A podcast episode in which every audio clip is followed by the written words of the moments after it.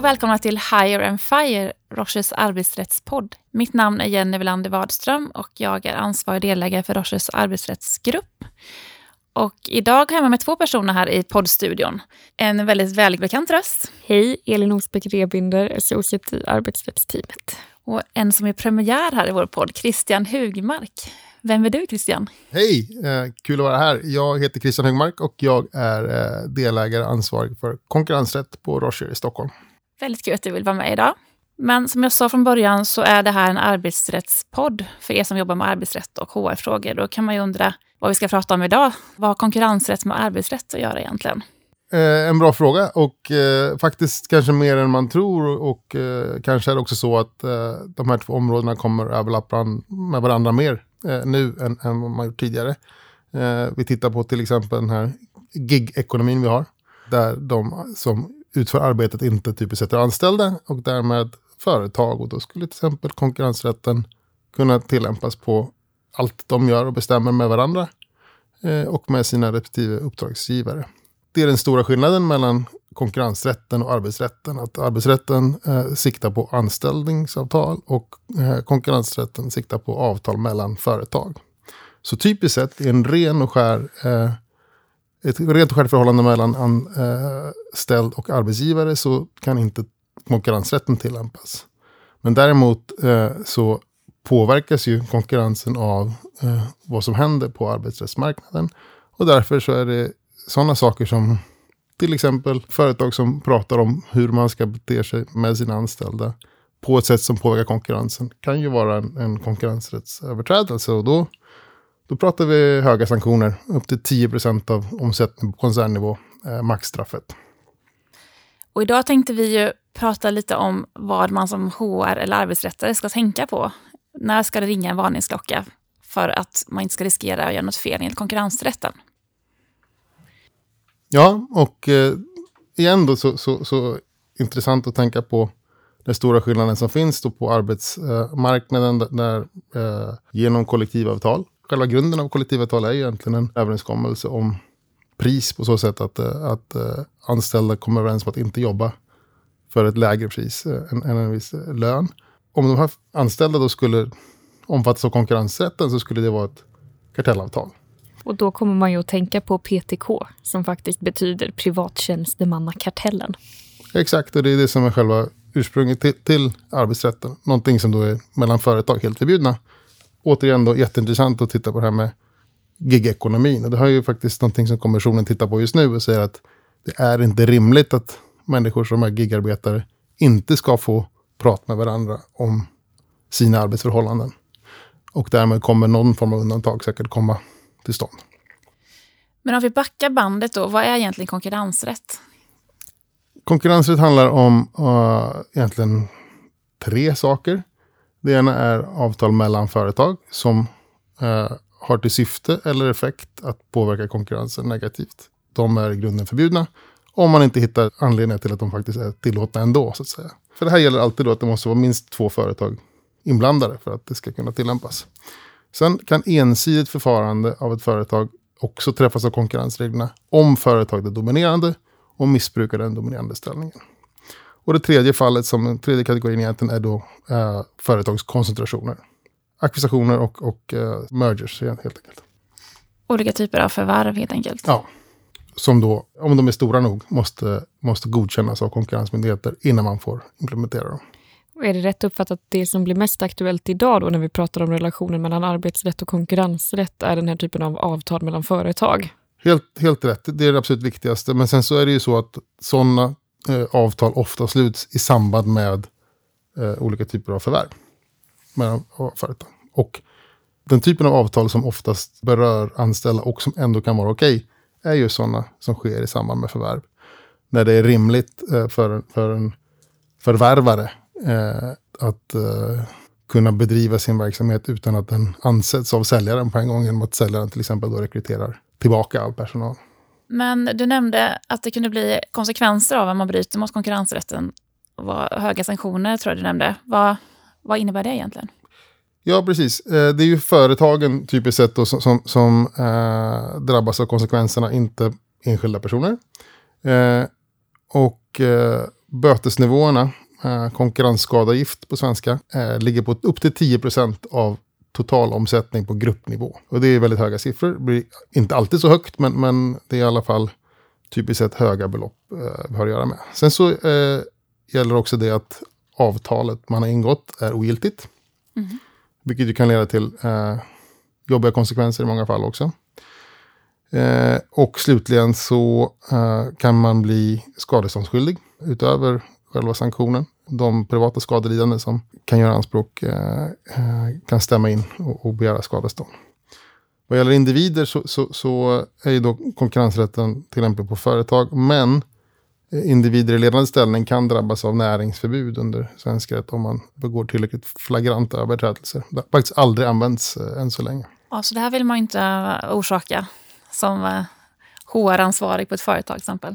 Nej, precis. Och, och vad gäller anställda då, så, så, så eh, i många andra länder, till och med i grannländer som Norge, så finns även eh, straffsanktioner mot individer. Och eh, i många länder eh, långa fängelsestraff i, i straffskalan. Nej, men de här frågorna känner jag är ganska oklara också i Sverige. Det talas inte så mycket om var gränserna går. Men om man kikar på USA så har man haft den här diskussionen under en längre tid och man har bland annat gått ut med eh, guidelines för HR-personer, vad man ska tänka på till exempel vid rekryteringssammanhang, för att inte riskera att bryta mot konkurrensrätten. Och jag tror att det är på väg också inom EU nu att liksom diskuteras eh, just HR-sammanhangen och konkurrensrätten, så att jag tror att det kommer komma. Men fortfarande är det rätt så svårt att eh, förstå när man ska dra öronen åt sig. Så det tänkte vi försöka klargöra nu då.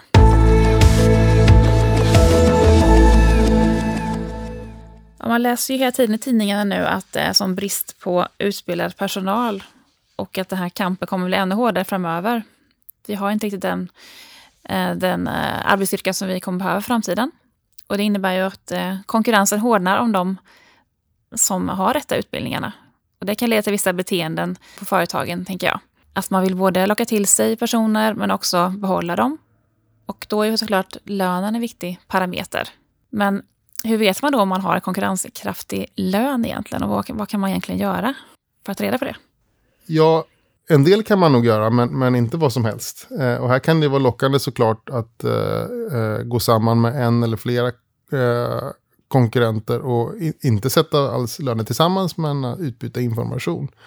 Eh, det tror jag har varit ganska vanligt eh, historiskt sett. Men det kan man inte göra utan att eh, åtminstone titta på den konkurrensrättsliga risken här framförallt i de, de branscher där lönekostnader är en stor och väsentlig del av, eh, av kostnadsbilden så anses lönekostnader kunna vara någonting som eh, kan, kan vara förbjudet att eh, bestämma mellan varandra och kan, eller förbjudet att bestämma mellan varandra så är det i grunden också känsligt att, att ha för mycket information. För det skulle kunna leda till det som ses som en slags eh, ekvilibrium där man håller koll på varandra och, och därmed eh, kyler ner konkurrensen på, på lönemarknaden. Eh, så om man vill benchmarka eh, så finns ju alternativen att gå samman och på något sätt aggregera siffror eh, på en nivå där man inte kan följa vad en specifik konkurrent gör. Så att någon konkurrent kan sticka ut och göra lite annorlunda utan att man på en gång säger varför gör det här eh, företaget det här mot sina anställda. Eh, de bryter liksom mot den, den eh, oheliga alliansen, om man ska prata om hur, hur en konkurrensmyndighet skulle se på det. Eh, så det är ett, ett, alternativ är att försöka eh, aggregera informationen. Då måste man vara ganska många som är med och så vidare. Så man, man kanske har viss fördröjning i systemet och så vidare. Så man, man in, inte kan använda det för, som ett verktyg för att begränsa konkurrensen. Och det finns ju företag som jobbar med det, med sådana lönebenchmarks. Exakt, det är det andra alternativet, att man går till någon eh, extern som på egen hand har samlat in information. Mm. Eh, och där blir frågan om när blir den här externen snarare än någon som är delaktig i ett informationsutbyte mellan konkurrenter och när är de helt och hållet oberoende. Om man för att köpa informationen också committar att ge sig information, då skulle man säga att det är nog någon som snarare organiserar ett informationsutbyte mellan konkurrenter. Så då får man igen vara vaksam hur pass aggregerad informationen eh, kan den leda till, till eh, att konkurrensen begränsas mellan företag. Men att lyfta luren då och ringa runt till sina kollegor på andra företag, det, det är alltså ingen bra idé? Det är ingen bra idé. Framförallt inte i, i uh, lönedrivna eh, branscher. Och vad blir konsekvensen om man skulle göra det? Det är de konsekvenserna vi, vi pratade om tidigare. Alltså det, det eh, kan leda till en, en undersökning av en konkurrensmyndighet. Och eh, om den myndigheten väljer att prioritera ärendet och gå vidare med det eh, så kan det leda till att man får en bot. Och nu har Konkurrensverket sedan ett par år tillbaka egen kompetens att utfärda sanktioner. Så har man såklart möjlighet att, att eh, överklaga dem, men det kan ju leda till en något mer aggressiv tillämpning eh, eventuellt. Mm. Och nu när vi pratar om lönesättning och vilken information som får utbytas mellan företag så kommer jag att tänka på kollektivavtalskonstruktionen ändå som ju bygger på att arbetstagare går samman och eh, begär viss lön tillsammans. Men också att de har en motpart som är en sammanslutning av arbetsgivare. Hur tänker du kring det Christian? Det är ju rätt spännande och, och i grunden eh, främmande för en konkurrensrätt att, att det fungerar på så sätt. Men det har ju gjort så väldigt länge. Det här är ju mycket äldre eh, i Sverige i alla fall eh, än konkurrensrätten. Eh, så eh, det är en etablerad praxis att eh, i och med att man har sett att det finns en, en kollektiv rätt för arbetstagare eh, att, att ena sig så måste de ha en motpart eh, som på något sätt eh, går att förhandla med. Eh, och det är väl så det löser sig. Men, men det är ju, jag, jag håller ju med dig om att spontant så är det ju en överenskommelse som görs mellan eh, företag på arbetsgivarsidan också. En annan typ av överenskommelse på arbetsmarknaden som har till syfte att skydda arbetsgivaren mot konkurrens är ju konkurrens och värvningsklausuler. Det har vi pratat om mer ingående i ett tidigare poddavsnitt som heter Äger du dina anställda? Men som upplägg kan man säga att man kan som arbetsgivare och arbetstagare ingå en konkurrens eller en värvningsklausul som säger att arbetstagaren då under en period efter anställningens upphörande inte får eh, konkurrera med arbetsgivaren och inte heller eh, värva arbetsgivarens kunder eller anställda. Och som jag då sa så ingår ju arbetsgivaren och arbetstagaren det här avtalet. Så då skulle man kunna tänka sig att konkurrensrätten av princip inte är tillämplig. Men eh, hur är det egentligen med den saken? Eh, I grunden är det ju rätt, eh, så länge det verkligen är så. Uh, men om man tänker sig att uh, det kan ju bli en, en förlängning av sådana här uh, avtal, nämligen att den anställde sen tar en ny anställning och vet om att det finns en begränsning och eventuella sanktioner vid brott av, av det avtalet. Och om då den nya arbetsgivaren tar på sig ansvaret gentemot den, den nyanställde då, så är frågan om den nyanställde egentligen då länkar samman eh, två företag och att de egentligen mer eller mindre då, framförallt om det utvecklas någon slags praxis på marknaden att det funkar så, att man inte rör eh, varandras kunder eller varandras anställda som konsekvens av någonting. Eh, då kan jag tänka mig att en konkurrensmyndighet skulle vilja gå in och titta på det. Men om man då är HR-person på ett företag som precis har rekryterat en anställd som har en konkurrensklausul, ska man då vara väldigt aktsam för att eh, åta sig som bolag att eh, betala till exempel viten som den anställde är skyldig att betala sin förrätt arbetsgivare enligt sådana avtal. Jag tycker att det finns anledning att åtminstone vara försiktig. Jag kan inte säga att det är någonting man inte kan göra, för det kan man nog säkert göra i flera situationer. Men, men eh, man bör tänka efter först och fundera på det och absolut inte eh, komma överens med den tidigare arbetsgivaren om, om det jag kan tänka mig att det finns situationer när det kan bli problematiskt. Även om man inte har direkt kontakt med den tidigare arbetsgivaren. Så, så anledning att fundera på vad det får för konsekvenser egentligen eh, på marknaden. Konkurrensrätten är ju väldigt dynamisk på så sätt att man måste titta på vad får det för konsekvenser på marknaden. Kommer det påverka konkurrensen eller inte? Gör det inte det så är konkurrensrätten typiskt sett eh, inte ett problem. Och just det där resonemanget har faktiskt eh, Arbetsdomstolen haft eh, i ett, de här Machine Games-domarna som handlar om värvningsförbud eh, mellan för sig en arbetsgivare och arbetstagare. Eh, att man inte fick värva sina kollegor då efter en tid efter att man har slutat sin anställning.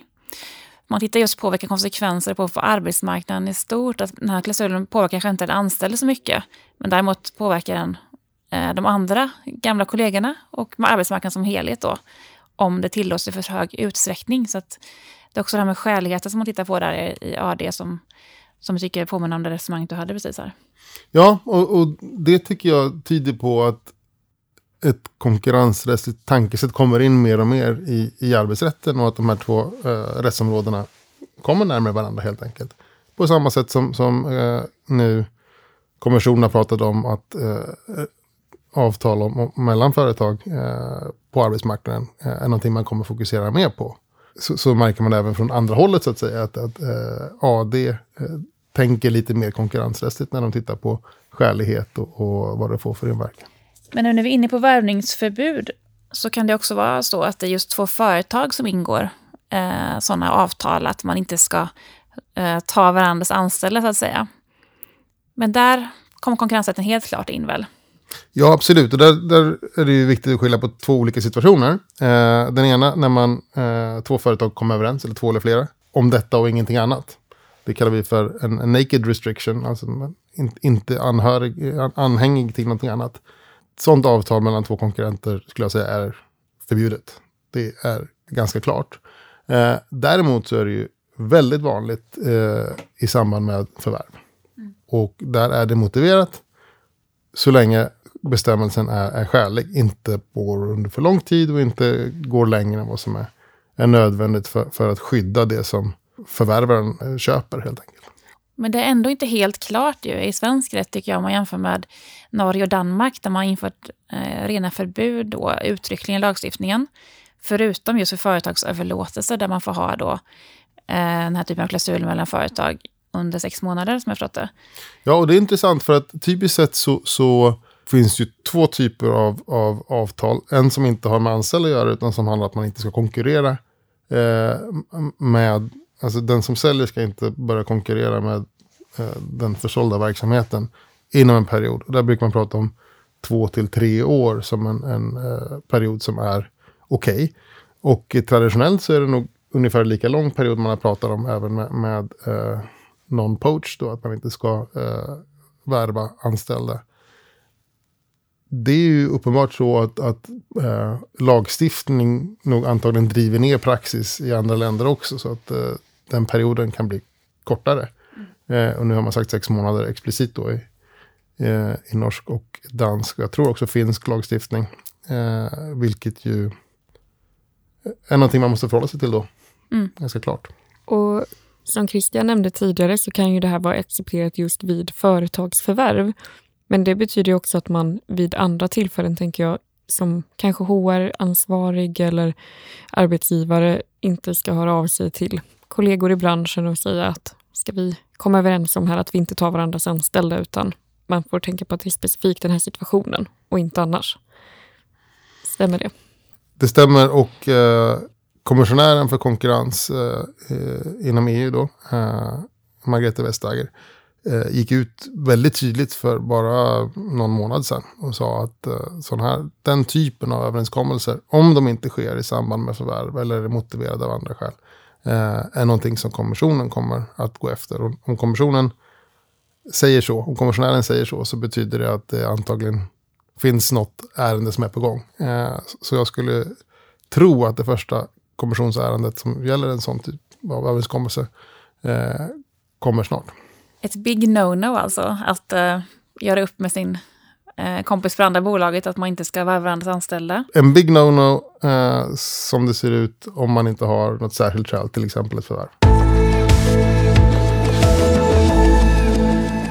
Vi har ett fall av specialreglering i arbetsrätten när det gäller just bemanningsföretag som handlar om hur man får, eller framförallt inte får, hindra arbetstagare att ta anställning hos kundföretaget. Så här har vi ändå en tydlig reglering skulle jag säga. Till skillnad från många andra situationer som har det konkurrensrättslig bäring. Så den specialreglering som finns då för bemanningsföretag är just det att eh, ett bemanningsföretag får inte hindra att kundföretaget då anställer den personen som är uthyrd till kundföretaget. Ett sådant avtal skulle ju vara ogiltigt då i förhållande till den anställde. Och i förhållande till kundföretaget kan man då bli skadeståndsskyldig.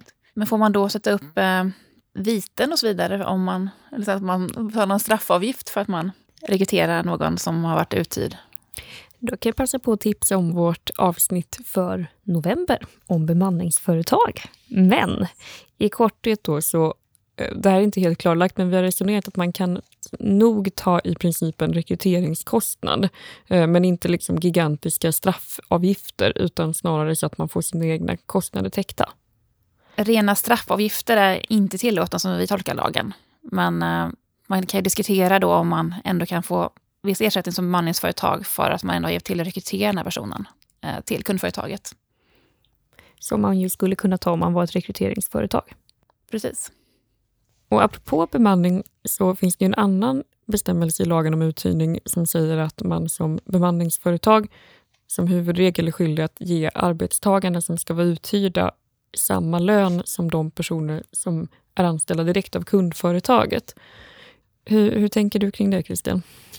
Eh, det avtalet i sig bör inte vara något problem och det är också en, en skyldighet enligt lag.